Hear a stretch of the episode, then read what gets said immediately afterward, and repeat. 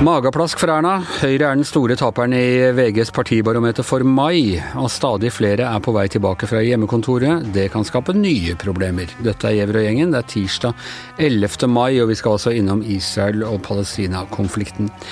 Ja, uh, Tone Sofie Aglen, vi satt her for en måned siden med, med en fersk måling fra VG og analyserte og bestemte og pekte på hvordan fremtiden kom til å se ut på grunnlag av den. Så går det en måned, så er det helt andre resultater. Så feil kan man ta. Så feil kan man ta, men er det vi som har tatt feil, eller er det meningsmålingen, eller er det dette folket som ikke klarer å bestemme seg? Uh, en meningsmåling er jo aldri feil, for det er jo, det er jo ikke fake news. Det har jo skjedd. men om den er representativ, er en annen ting. Og det vi, som var liksom det store oppsiktsvekkende på vår måling for en måned siden, var jo det ganske store fallet til Senterpartiet. Uh, og, ja, vi var litt sånn, vi må jo si det, vi var ja, nå er det kanskje over, og opp som en løve og ned som en skinnfelle, og Arbeiderpartiet i uh, 2017 og i det hele tatt. Ja, vi var litt der, for vi har jo liksom sittet og fulgt med med argusøynene. Uh, for det er jo liksom litt den derre hvor lenge varer Senterpartiet, er jo liksom en sånn snakkis. Men så må vi si at vi tok ganske mye forbehold, da, for det var jo ingen andre målinger som har eh, visst det samme. Og det er bare én annen måling som har visst tilsvarende. Så det er nok det vi gjerne kaller en uteligger, eh, ja. eh, som en litt sånn eh, ytterkantmåling. For nå er de tilbake i, på gamle høyder og holder nesten på å bli like stor som Arbeiderpartiet igjen. Jeg vet ikke om vi kan si at det er en hel nasjon av uteliggere her, men det er altså én uteligger skaper jo flere uteliggere. Fordi eh, Arbeiderpartiet, som da gjorde og vi var litt sånn på at nå har de reist kjerringa og sånne ting, men de går også godt tilbake igjen med, med 4 prosentpoeng på, på denne målinga. Ja, og jeg tror nok at uh, vår forrige måling uh, var også i overkant uh, positiv for Arbeiderpartiet. Men hvis det her stemmer, så er nok det her ganske skuffende for Jonas Gahr Støre og co. For jeg tror de hadde liksom sett for seg at nå var liksom Arbeiderpartiet på full fart oppover, om ikke akkurat i gamle høyder, så det er litt mer sånn anstendige resultat. Men det ser litt mer ut som at de har stagnert. Men er det målingene som er, har bommet litt, eller er det at folk faktisk skifter såpass mye mening i løpet av bare en måned? Har f.eks. alt dette rundt rusreformen og sånne ting spilt inn for Ap, eller er det, er det liksom mer at nei, nå ble det varmere i været, så nå tror jeg ikke jeg skal stemme Ap likevel? Nå er det jo ikke sånn at uh, vi intervjuer de samme folkene hver gang, det, så det er jo litt med hvem man uh, Det er et representativt utvalg. Ja, det er et representativt utvalg. Som mora mi alltid sa, de har ikke spurt meg, men det var en meningsmåling hun ikke likte. De har ikke spurt meg heller, for å si det sånn, men uh, det, det, vi liksom vet, er at ofte så når et parti har hatt landsmøte, hatt mye fokus på seg sjøl, så virker det ofte litt sånn mobiliserende. Men jeg tror kanskje ikke den effekten er så sterk. Men det, det, det som liksom har vært, vi så sånne tendenser til, var at Arbeiderpartiet Senterpartiet tetta liksom lekkasjen til Senterpartiet. Den har vært veldig sterk. Eh, men det ser vi ikke lenger. Lojaliteten til Arbeiderpartiet er igjen eh, falt og litt sånn tilbake til Om ikke helt til gammelt nivå, så mm, Og nå ser vi jo at det er bare tre prosentpoeng som skiller Arbeiderpartiet og Senterpartiet. Og det var jo veldig viktig for sjøltilliten til Arbeiderpartiet inn i sitt landsmøte. Ah, og at de nå går tilbake, får sikkert litt å si for sjøltilliten til, til, Senterpartiet. Fremskrittspartiet de hadde jo landsmøte i helgen. Jeg går ut fra at denne målingen kanskje ikke har fått fanget opp det helt ennå? Jo da. Den har det? Ja, den er tatt opp Det ser ikke sånn ut, for å si det sånn. Nei, men uh, det er nok litt sånn tegn til Jeg skal ikke si at uh, Frp er friskmeldt, for det er jo fortsatt skuffende tall. Men 10,8 er atskillig bedre enn det Fremskrittspartiet har ligget på. men så tror jeg vel ikke at noen har trodd at bare det å skifte partileder er en sånn quick fix for partiet. Jeg tror FrPs aller største problem er at innvandring og skatter og avgifter og det som de tradisjonelt eh, får velgere på, er eh, veldig lite i vinden for tida, da. Ja, og det er et annet interessant utslag der for andre, denne sekkebetegnelsen som liksom tar ja, Kystpartiet og Kvinnenes frie folkevalgte og Nå kan du glemme Industri- og Næringspartiet, Anders? For eksempel. For eksempel. Nei, det er jo en, en rekke partier, men der har du jo Altså, de er på 3,5 det er ganske mye til andre å være. Andre er over sperregrensa? Ja, og, og, det er eh, ikke partiet Sentrum som vi har hatt så mye oppmerksomhet rundt. De er ikke veldig merkbare. men de som gjør det veldig bra da, på den målinga her, er Demokratene, som faktisk får 1,8% Det er faktisk ganske mye for dem. Så. Og Det var altså en gjeng som i sin tid brøt ut av Fremskrittspartiet? Mm. Eh, og som er kjent for en eh, enda striksere innvandringspolitikk og litt mer av et ensaksparti mot, eh, ja. mot innvandring. Og litt sånn enpersonsparti for tida òg, for det er jo stort sett Vidar Kleppe nede i Kristiansand som er den store, markante figuren der. Men er ikke det litt rart nå? Altså, nå har vi snakket mye om at uh, innvandring har ikke vært noe sak nå under pandemien, og det er, det er, ikke noe innvandring, og derfor går det ikke så bra med, med Frp, fordi når de kjører ja, det er en av deres viktigste saker. Men så samtidig så stiger eh, Demokratene, som er deres eneste konkurrent på, eh, på å kjøre stram eh, flyktning- og asylpolitikk. Ja, jeg er alltid litt sånn varsom å tolke sånne små tall, men uh, det kan jo hende at det liksom foregår noe sånn Nå er Sylvi Listhaug partileder i Frp fra å liksom være den litt sånn Eh, hele tida balanserer på streken Listhaug, så Merk har jo i den siste moderert seg veldig. Nå snakker hun mest om helse og eldre, og at, at det potensielt kan gi et lite rom for de som ønsker en en enda mer sånn høyrepopulistisk politikk, det skal vi ikke se bort fra at kan skje, da. Ja. Og det kan jo være sånn, sjøl om innvandring ikke preger dagsorden i stort, så har vi jo fortsatt nisjenettsteder, og jeg tror f.eks. korona og smittesituasjon og sånne ting kan jo være noe som noen miljøer er opptatt av. Uh, Listhaug klarte jo å fornærme uh, en del av dette segmentet da hun rykket ut mot de nasjonalkonservative i Oslo. Hun har bedt om unnskyldning for det, men hun, hun dro altså en parallell til, til Nasjonal Samling, var det vel. Uh, og, og, jeg ser at flere av disse sånn Resett og, og Dokument.no og sånne ting har vært veldig på og nå har hun mistet ja, det de regner som folket. Tror du det er noe i det?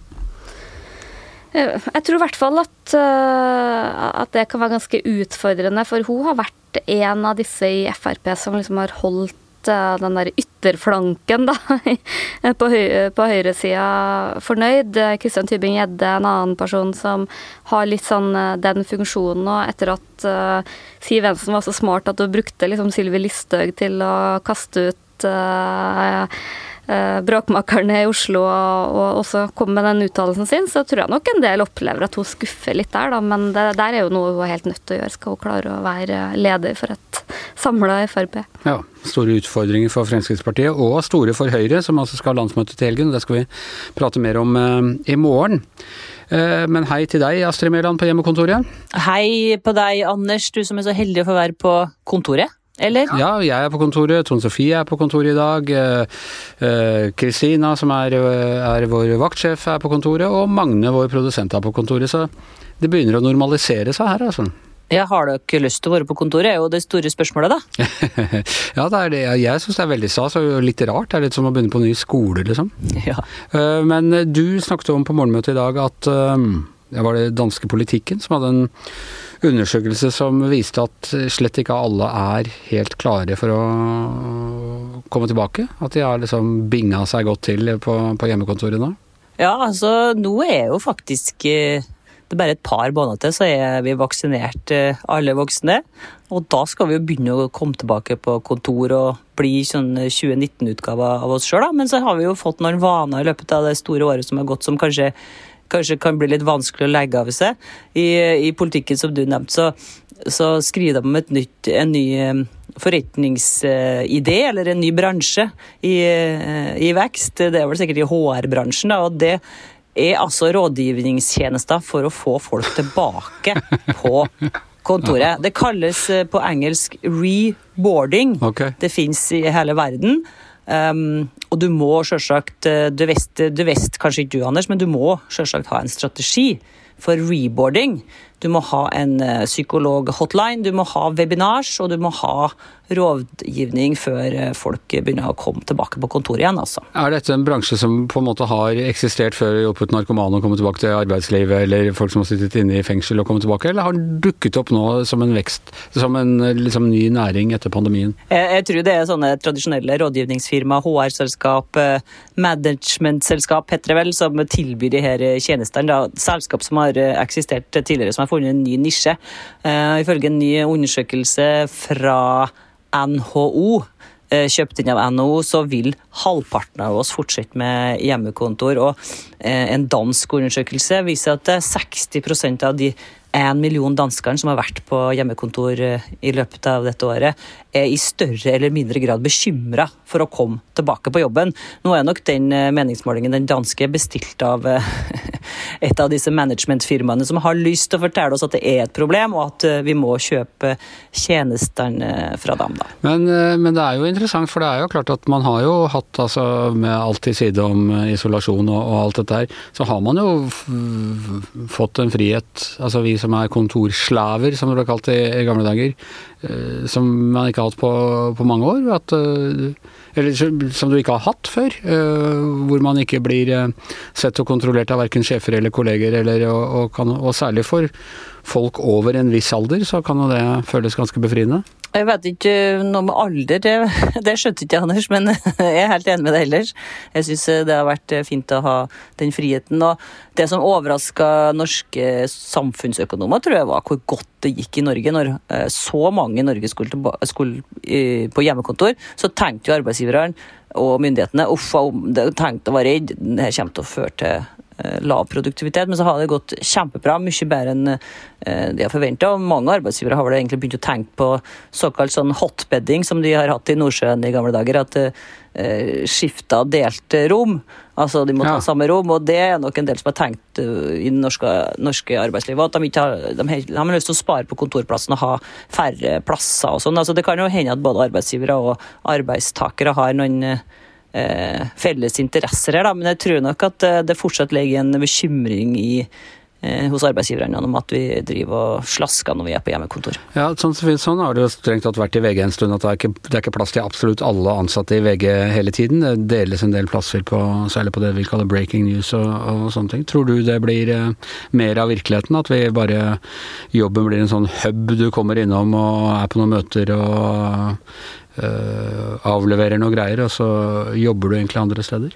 Det er i hvert fall det som er signalet fra mange bedrifter, og ikke minst fra mange medarbeidere, at man ønsker seg mer fleksibilitet. Litt interessant å se hvilke dager folk vil ha fleksibilitet på. det. Fredag. De inneklemte dagene som vi er så kjent for i dette landet, det tror jeg er sånn fleksi i dag. Absolutt. Tror Fredagen er populær for fleksibilitet, og vi har jo også fått nye en ting jeg er blitt veldig begeistra for, hyttekontor. Ja. Men, og, og det, er jo, det, er jo, ikke noe rart. I sånn første så ble man jo vant til å få konsentrert seg mer. Det er jo mye med bråk og merker jo sjøl bare åh, må man kle på seg liksom og ordne seg. Man gror jo litt inn i disse joggebuksene på hjemmekontoret. Men jeg tror nok en del arbeidsgivere liksom har forregna seg når man har snakka veldig mye om at å, hvor effektivt det er, og vi leverer like bra og, og sånn. For jeg, jeg, er også litt sånn bekymra for hva vi mister med å ikke være på kontoret. Og det handler ikke liksom nødvendigvis bare om produktivitet, men samarbeid, det vi lærer av hverandre. Og liksom drister å si det åpent om seg sjøl, men jeg tror jeg er blitt en dårligere kommentator av å ha sittet hjemme i 13 måneder. For jeg vet at jeg blir bedre av å være ute og snakke med folk og observere og, og få impulser. Og, og, det handler jo ikke bare om kontoret, det handler jo om at absolutt alt har vært nedstengt der man vanligvis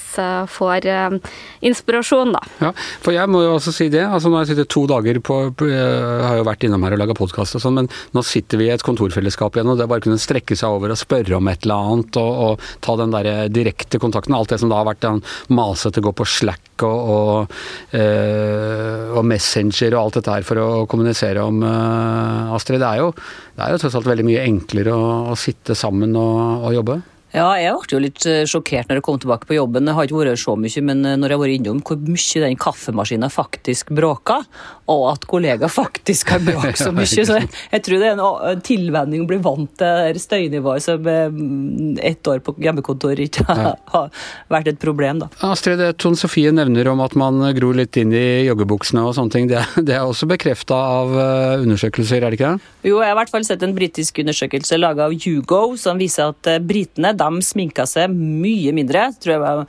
over halvparten har slutta. Og de ordna seg langt sjeldnere på håret. Og en stor andel av kvinner, 34% har kasta bh-en. Og når, eh, det er òg en god del færre som dusjer, og så innrømmer at de eh, har slutta å skifte undertøy så ofte. Kan vi trenge en egen bransje som hjelper folk å begynne å dusje og kle på seg og liksom oppføre seg ordentlig igjen? Ja, det fins vel allerede, ikke den norske velferdsstaten? Salget av høyhælte sko har stupt. Hmm. Men joggesko er eh, økt, så jeg, fordi folk går mye mer, og det er, det er viktigere. Sportsbutikken har hatt et gullår. Og så er det et veldig godt tegn at kondomsalget er på vei opp. Det betyr vel at pandemien er i ferd med å gå over. Ja, og at fødselstallene dermed stuper igjen. ja, vi får se, det. Nei, eh, men tilbake skal vi. Det, det er ingen bønn, og det, det skjer i den tiden som kommer nå. Helt til slutt så må vi også innom situasjonen mellom Palestina og, og, Israel, hvor konflikten har blusset opp igjen, og hvor det er utvikling som, som for så vidt kan følges uh, på, på VG-nett. Men uh, Per Olav Ødegaard, hva er det siste som har skjedd der akkurat nå? Det siste er at uh, disse angrepene fra Gaza mot Israel i form av raketter fortsetter, og at Israel også fortsetter å bombe mål i Gaza. Og vi ser Eh, et eh, stort antall eh, drepte og også mange, mange sårede. Drepte på palestinsk side i Gaza, og også en del sårede på israelsk side i kystbyer i, i Sør-Israel. Og Hvis dette fortsetter å eskalere, hva, hva skjer da? Foreløpig så virker det som dette vil fortsette å eskalere. Israel har kalt inn 5000 eh, reservesoldater. Eh, sier de er forberedt på en operasjon som vil vare en tid, ubestemt tid. Eh, Hamas, som styrer Gaza, virker heller ikke innstilt på noen umiddelbar våpenhvile. Egypt forsøker å kontakte partene. Det er ofte de som kommer inn i bildet og forhandler frem våpenhvile når det er slike eh, slike hendelser på grensen og slike angrep på kryss og tvers av grensen. Eh, denne gang så er det ikke sikkert det er så enkelt å få avsluttet dette. Det har, eh, blitt, det har bygget seg opp over tid, og det har eh, blitt en voldsom opptrapping av konflikten det siste døgnet. Dette blir også en test for eh, Joe Biden eh, som president. Tidligere veldig varm eh, Israel-venn. Hvordan tror du han kommer til å håndtere dette? Det er veldig interessant å se hvordan han kommer til å håndtere denne situasjonen. Amerikanerne i Sikkerhetsrådet skal jo ikke ha, vært, ha vært mot et forslag om, å, om en, om en uttalelse i går kveld, hvor Norge bl.a. sto bak. da, For de ville arbeide mer i kulissene og prøve å påvirke. Jeg jeg tror nok, altså, Det er nok viktig for uh, Biden å uh, vise sin støtte til Israel uh, og ta avstand fra angrep fra Hamas. Samtidig så er det nok en litt annen situasjon nå enn det var under Trump, som, under Donald Trump, som egentlig støttet alt Israels statsminister Benjamin Netanyahu foretok seg.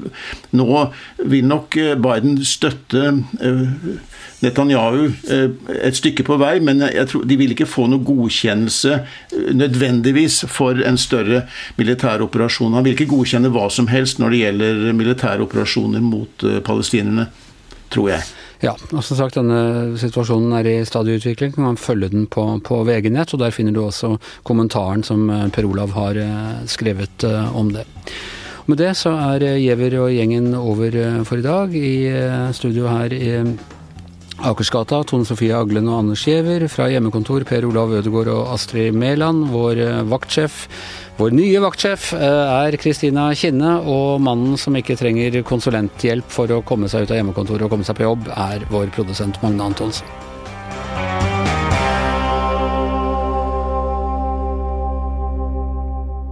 Du har hørt en podkast fra VG.